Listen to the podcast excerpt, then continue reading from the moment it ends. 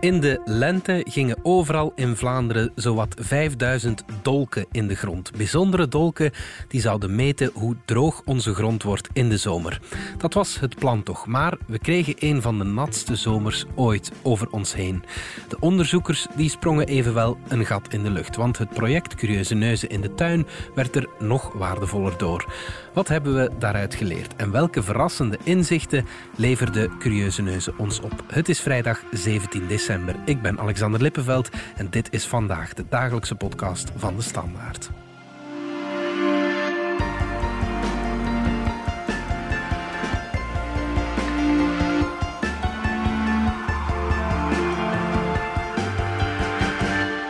Je hebt je grondwater nodig om alles te doen groeien. Als daar een probleem is, ja, dan, dan, dan is dat een domino dat in elkaar stuikt. De balans is volledig verstoord en wij zijn heel kwetsbaar omdat wij niet slim omgaan met dat water.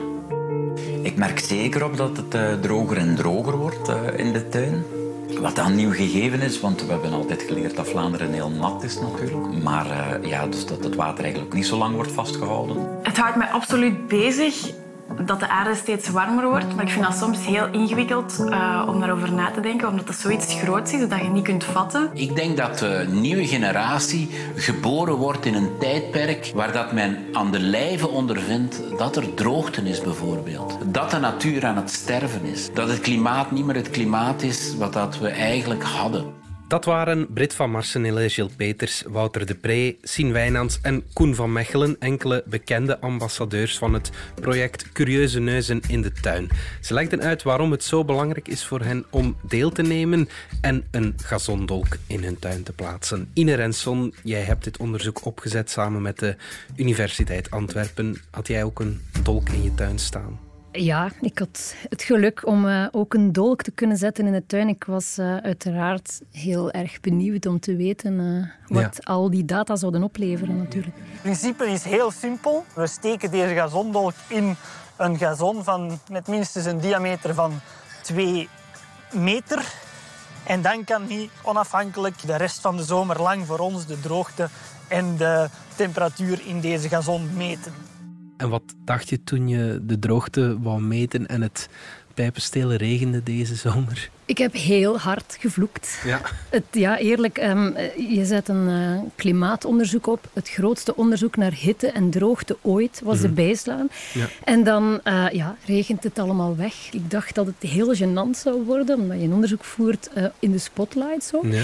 Maar ja, het bleek uiteindelijk een geluk bij een ongeluk. We kregen een natste zomer in twee eeuwen, wat unieke data heeft opgeleverd hoe onze tuinen omgaan met extreme regenval ja, het belang van onze tuinen is voor onze regio niet te onderschatten. Hè? Nee, absoluut niet. Um, onze tuinen nemen 12% van de oppervlakte van Vlaanderen in. Okay. Dat zijn de privétuinen, neem je scholen en bedrijven en zo erbij, komen zelfs aan 20%. Ja. Ter vergelijking, bossen, dat is dan maar 10%. Dus ja. onze tuinen zijn in oppervlakte belangrijker dan bos. En natuurgebied, dat is natuurlijk het, de keerzijde van het feit dat wij zowat het meest volgebouwde land ter wereld zijn. Ja. We hebben heel veel groen in privaat bezit. Ruim 2 miljoen tuinen in Vlaanderen die eigenlijk best groot zijn. De helft van de tuinen van onze deelnemers is groter dan 700 vierkante meter. Okay. Dat is representatief voor Vlaanderen ook. Mhm. Dus ja, we hebben daar eigenlijk wel een zeer grote verantwoordelijkheid. We hebben daar met die tuinen heel veel impact. Dat is eigenlijk uh, ja, onzichtbaar. Het is een blinde vlek. Ja. Ook voor de wetenschap. En, en al zeker staan die tuinen niet op de radar van klimaatbeheer. Nee, nee, inderdaad. Goed, laten we even kijken naar de conclusies. Uit het onderzoek blijkt dat onze tuinen drie belangrijke functies hebben. Onze tuinen um, hebben een cruciale rol als spons, als airco en als koolstofarchief. Laat ons ze alle drie eens overlopen. De functie als spons. Het eerste dat je in de natte zomer leerde, was dat tuinen heel erg belangrijk zijn in onze waterhuishoudingen. Ja, tuinen die blijken zeer efficiënte sponsen te zijn. Als we over het hele seizoen kijken, hebben onze tuinen zeker 60 procent uh, van de regen die is gevallen in Vlaanderen opgevangen. Mhm. Dat is dus eigenlijk water dat niet in de riool terechtkomt, dat niet op de straten komt, geen overstromingen veroorzaakt, maar rustig doorcijpelt naar het grondwater. Mhm. Dat is zowel ecologisch als, als maatschappelijk heel belangrijk. Om daar even een, een idee van te geven, tussen 1 mei en eind september hebben alle tuinen in Vlaanderen, dus dan geëxtrapoleerd naar alle tuinen, mhm. ruim 213.000 Olympische zwembaden aan regenwater opgevangen. Oké, dat, is, bijzonder veel. Ja. Dat is 533 miljard liter, uh, voor wie zo'n cijfer niet veel zegt. Als je dat zou uitgieten over heel Vlaanderen, is dat een laag water van 4 centimeter. Ja, oké. Maar niet alle tuinen slorpen evenveel water op, hè? Nee, en dat is heel opvallend. We hebben om dit te onderzoeken uh, ingezoomd op de regenbom, hè, de periode half juli. Mhm. We zijn eens gaan kijken naar 15 juli. Dat is een dag waarin ook uh, grote stukken van Vlaanderen een deel van de regenbom te verwerken kregen. Mhm. Wat zag je daar? In Oost- en West-Vlaanderen viel er niks. Mhm. In andere provincies in het oosten van Vlaanderen viel er een eh, gigantische hoeveelheid regen. Echt ongeziene hoeveelheden. Maar en dat zet alles op scherp eigenlijk. Heel opvallend, in die plek, in die regio waar de regen met bakken uit de lucht viel, mhm. waren er sensoren die heel veel water hebben geregistreerd en andere die quasi geen druppel van die regen hebben geregistreerd. Hoe komt dat? Ja, dat heeft dan te maken met een aantal parameters die bepalen hoe goed een tuin kan werken als spons. Mhm. Bijvoorbeeld een van de dingen dat speelt is de intensiteit van regen. Maar als het te hard regent, kunnen tuinen niet meer volgen. Hmm. Bovendien slaat die regen daar zo hard op dat de bodem eigenlijk verzegeld geraakt. Mhm. Dus bij te harde regen, en dat is helaas iets wat we veel meer gaan mogen verwachten in de toekomst, geven die sponsen het op. Laten ze het afweten. Ja. Dan, ja, bodemtype speelt ook een rol. Zandbodems laten veel gemakkelijker water door dan kleibodems, die ook heel rap verzadigd zijn. Twee belangrijke dingen zijn ook nog dingen die te maken hebben met ligging. Dus tuinen die um, in een vallei liggen, krijgen veel meer water te verwerken dan tuinen die op hoger gelegen gebieden liggen. Mhm. Hetzelfde voor stadstuinen. Die blijken uit onze dataset veel actiever te werken als sponsen dan andere tuinen. En doen die het dan beter? Wel, het zijn niet per se betere sponsen. Ze moeten gewoon harder werken. Ze moeten eigenlijk in overdrive gaan. Ah, ja. Zeker op momenten als het heel hard regent, mhm. moeten die tuinen in valleien en, en in uh, verstedelijkte gebieden heel hard werken. Zij werken eigenlijk niet alleen voor zichzelf, maar ook voor een omgeving. Ah, een tuin in een vallei of een stadstuin zal niet alleen zijn eigen regenwater verwerken, maar ook het water dat valt op daken, op verharde oppervlaktes in de omgeving, het water van de buren soms. Dus dat betekent eigenlijk dat op die tuinen dat daar veel meer druk op komt. Die gaan in overdrive. En dat zijn dan ook meteen de zwakke schakels in ons systeem mhm. als er heel veel regen valt. Ja, ja, ja inderdaad. Belangrijk natuurlijk, uh, Ine, stel je hebt een tuin, kan je iets doen waardoor je tuin nog beter werkt als spons om overstromingen te vermijden? Ja, je kan wel iets doen. Hè. Vegetatie bijvoorbeeld is belangrijk. Bomen die kunnen fungeren als een scherm dat ervoor zorgt dat het water wat vertraagd incijpelt. Hè. Het blijft eerst wat hangen aan de bladeren, aan de takken en dan krijgt die bodem een beetje... Dat het wat indruppelt, uh, zo gezegd. Ja, ja het gaat relaxen, het gaat trager. De bodem krijgt een beetje respijt, krijgt meer tijd om dat water te verwerken. Maar dat scheelt eigenlijk geen slok op de borrel. Het belangrijkste, en dat is iets wat we eigenlijk al langer weten natuurlijk, is ontharden. Ontharden, ontharden. Er is eigenlijk maar één mantra in deze. En dat betekent ja, op klein niveau, dus op ons eigen perceel, wil dat zeggen doorlaatbare terrassen of een kleiner terras, een, een doorlaatbare oprit. Je ziet dat er nu al gemeenten zijn in Vlaanderen die overwegen om daar verplichtingen over in te stellen. Maar natuurlijk, ja, die case van 15 juli heeft ons ook geleerd dat ja, op zo'n moment het hele systeem onder immense druk staat. Mhm. Die tuinen, zeker in valleien en in steden, hebben zo hard moeten werken dat die echt soms het ook gewoon niet meer aankonden. Mm Dat neigt ook naar een oud zeer in Vlaanderen. We hebben heel veel gebouwd in overstromingsgebied. We blijven dat doen. We zijn valleigebieden uh, gaan volbouwen. En daar dreigen we nu natuurlijk een prijs voor te betalen. Dus ontharden, overal om druk van het systeem te halen, zal cruciaal zijn. We zetten onze lofzang op de tuinen nog wat voort, want ze slaan ook CO2 op, hè, de, de bron van alle kwaad. Dus, dus ja, effectief, hè, tuinen um, werken echt als koolstofarchief om dat even in perspectief te zetten, als we denken aan een natuurlijke manier om koolstof op te slaan, dan denken we allemaal aan Een boom. Bomen. Ja. Ja, ja. Bossen planten, boomplantacties, zoveel mogelijk bomen planten. En dat is ook zo. Hè? Een boom haalt CO2 uit de lucht en slaat eh, die koolstof op in zijn wortels, in het hout. Maar er is eigenlijk nog een veel belangrijkere manier om koolstof op te slaan in de natuur. En dat is in de bodem. Wanneer planten afsterven, als bomen hun bladeren verliezen, dan blijft een deel van die koolstof als humus achter in de bodem. En die kan er heel lang blijven. Dat wordt gestockeerd. De bodem is een koolstofarchief.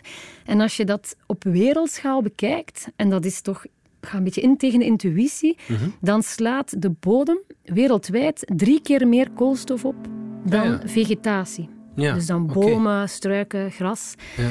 En als je bij ons kijkt, in het noordelijke halfrond, dan is eh, de bodem veruit met grote voorsprong het grootste koolstofarchief. Ja, oké. Dus de meeste koolstof wordt opgeslagen onder de grond, Ja. niet in de vegetatie boven de grond. Dat is eigenlijk wel goed nieuws, denk ik. Ja, dat is absoluut goed nieuws, omdat je dus heel hard kunt inzetten op actief Ja. koolstofbeheer in die bodem. Hè. Ja. Nu, dat ondergrondse koolstofarchief is eigenlijk onzichtbaar, daarom ook onbekend, onbemind.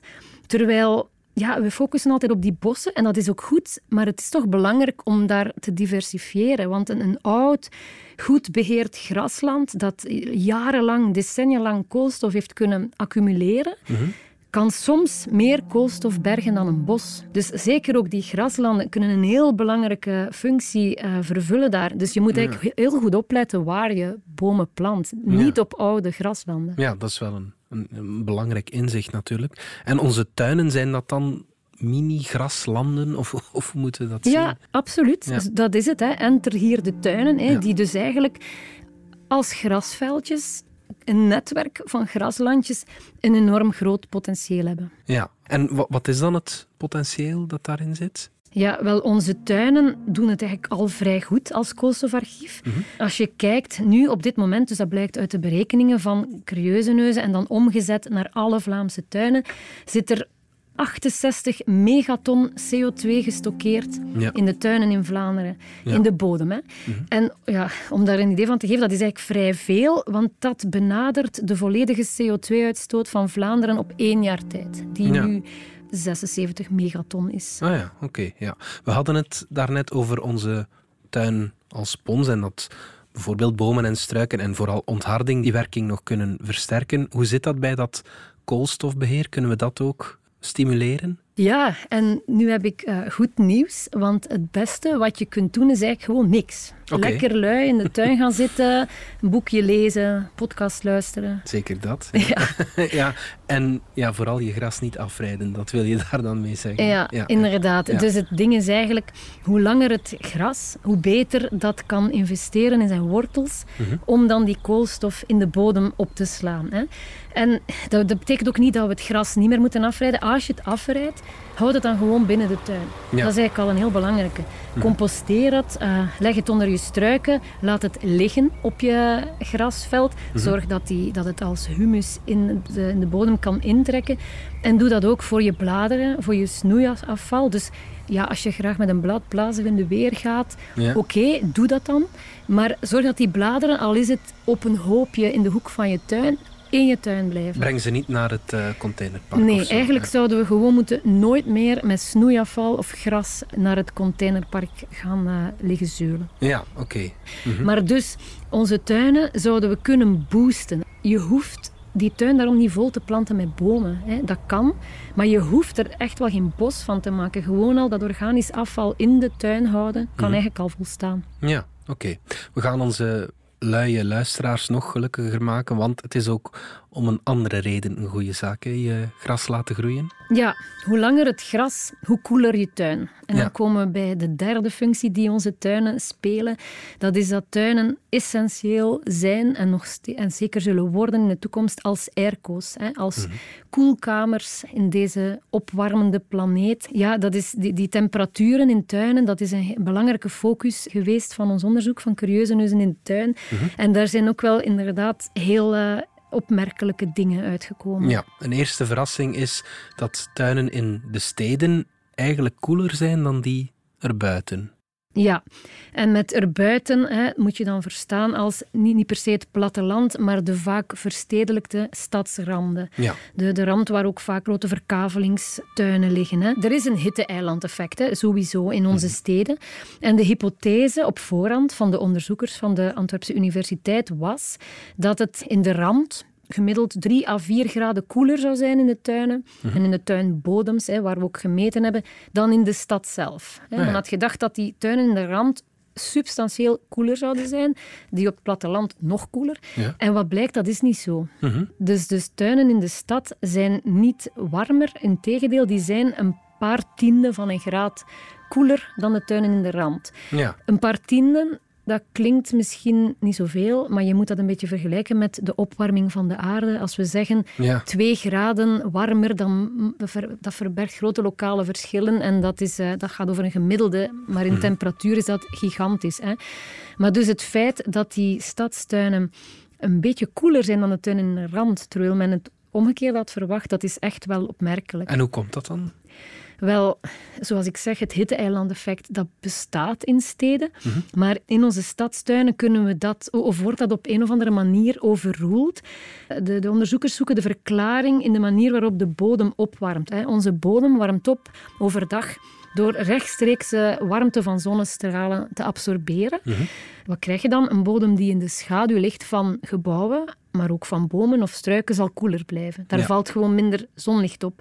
Stadstuinen die zijn vaak kleiner, waardoor dat ze extra schaduw hebben. Ja. Zo simpel is het eigenlijk. Ja. Bovendien nemen bomen en struiken daar een groter deel van de oppervlakte in, waardoor dat het hiteilandeffect daar kan worden doorbroken. Ja. In de rand, in de verstedelijkte rand, is dat moeilijker. Daar heb je doorgaans grotere tuinen met ruimere terrassen, met een grote eh pelouse, hè, een Ja. kort gemaaid gazon. Die tuinen zijn minder compact ingevuld, die staan niet vol met struiken en hagen. En dus ja, de zon heeft daar veel meer vrij spel om de bodem op te warmen. Ja, dan toont het onderzoek eigenlijk hoe belangrijk stadstuinen zijn. Ja, de vaststelling, dat blijkt echt systematisch in die dataset, dat stadstuinen even koel kunnen zijn als grote landelijke tuinen, gaat eigenlijk helemaal in tegen het idee dat onze opwarmende steden onleefbaar worden. In jouw eigen kokon van je huis, als je het geluk hebt dat je een tuin hebt natuurlijk, eh, ja, kan je echt wel verkoeling vinden buiten. En daar, daar ligt een enorme taak voor stadsplanners en ontwikkelaars natuurlijk. Hè. Er, om te beginnen moeten we meer tuinen creëren in een stad. Bij eh, woonprojecten moet er echt aandacht voor zijn.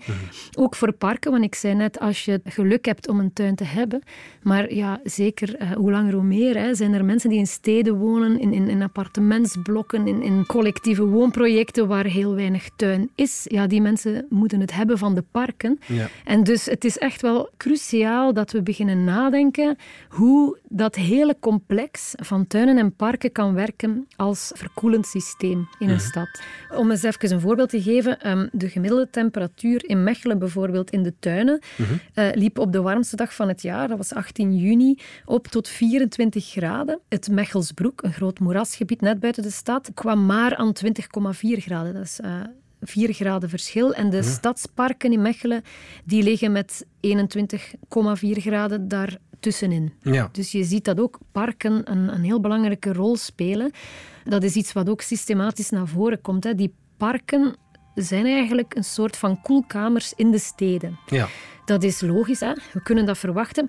Maar hier blijkt ook wel dat de manier waarop je je parken inricht essentieel is. Net Ja. als bij de tuinen. Veel bomen, veel struiken. Ja. Ja, dat hoe, is goed. hoe weelderiger een park is ingericht, hoe beter het als airco zal werken. Ja. En ja, die parken brengen ons dan ook eigenlijk bij de Uberparken, hè, of de grote lappen natte natuurgebieden Mhm. die wij ook hebben in Vlaanderen. Hoe warmer het wordt, hoe harder die natuurgebieden als airco beginnen te werken. Ja. Dus hoe groter het verschil tussen de temperatuur in dat natuurgebied en in de tuinen er rond. Nog een belangrijke grote open vlakte die je op heel veel plaatsen ziet in de steden zijn natuurlijk scholen. Je onderzoek leert dat speelplaatsen niet bepaald eh, koele plaatsen zijn. Hè? Nee, inderdaad. Uit ons onderzoek blijkt dat eigenlijk dat de schoolpleinen systematisch de heetste plekken zijn in de dataset. Dat is toch wel opmerkelijk. Hè? Onze kinderen brengen warme dagen door in broeikassen die hun klassen vaak al zijn. Ja. Maar dus ook buiten op de speelplaats krijgen ze relatief weinig verkoeling. Heel veel scholen in Vlaanderen hebben geen gras. Zijn gewoon, eh, ja, hebben alleen maar tegels. Is, heb je een betonnen woestenij. We kunnen ervan uitgaan dat het daar nog veel warmer is. Hè? ja. Dus daar zit een enorme winst eigenlijk, want die oppervlaktes, ja, dat is niet gering. Hè? Nee, Ja. vanuit klimaatperspectief ligt hier echt braakliggend terrein. Eh, als we op speelplaatsen op grote schaal tegels gaan wippen, bomen en struiken planten, van scholen meer groene oases maken, hè, kunnen die scholen ook echt voor verkoeling zorgen. En niet alleen voor die jongeren en kinderen die daar rondlopen, maar voor de hele wijk rond. Ja. Dat is een beetje hetzelfde verhaal als met de parken. Hè. Die scholen kunnen de rol spelen van een, van een parkje. Ja, goed, het is duidelijk dat, dat daar een grote winst ligt, maar kunnen we ook onze tuinen nog koeler maken? Hoe, hoe kunnen we dat doen? Ja, en dat is, we hebben echt heel veel impact in hoe warm het wordt in onze tuin. Hè. Dat is eigenlijk, dat, dat hebben we kunnen in cijfers uitdrukken hier. En dat is echt wel een cruciaal nieuw inzicht voor de klimaatwetenschap. We hebben impact. Hè. We kunnen onze tuin wezenlijk koeler krijgen.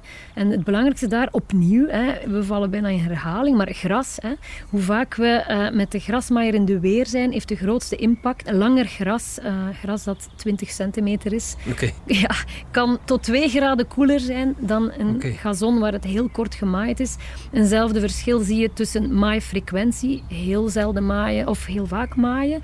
Een ander belangrijk ding is bomen. Bomen helpen om eh, extremen af te toppen. Interessant ook, een haag maakt verschil. Als je dat allemaal samen doet, en meer bomen en hagen en je gras minder afrijden, dan kan je je tuin tot 5 graden koeler maken. Ja, oké. Je kan je tuin laten opschuiven naar een ander soort klimaat Ja. daarmee.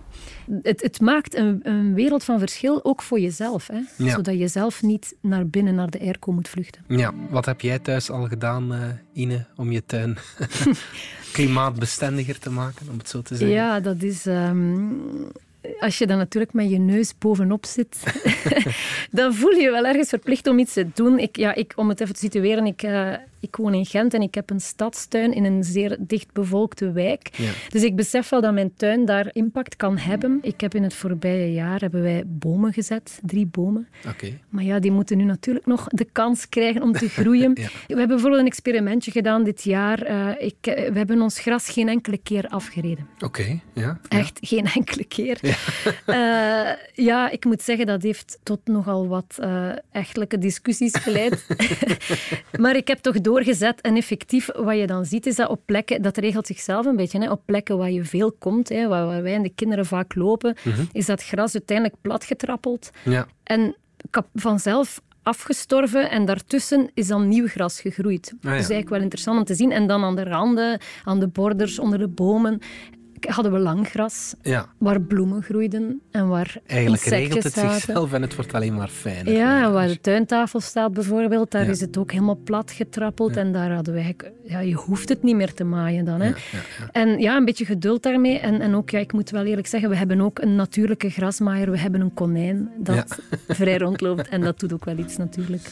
Morgen staat alles over de werking van onze tuinen als airco's in onze krant. Zeker lezen en ook op onze website leest u meer over het onderzoek met interactieve kaarten en alles erop en eraan. Zeker eens naartoe gaan. Het is heel interessant. Gewoon standaard.be en dan curieuze neuzen ingeven als zoekterm. Ine Renson, dankjewel. Graag gedaan.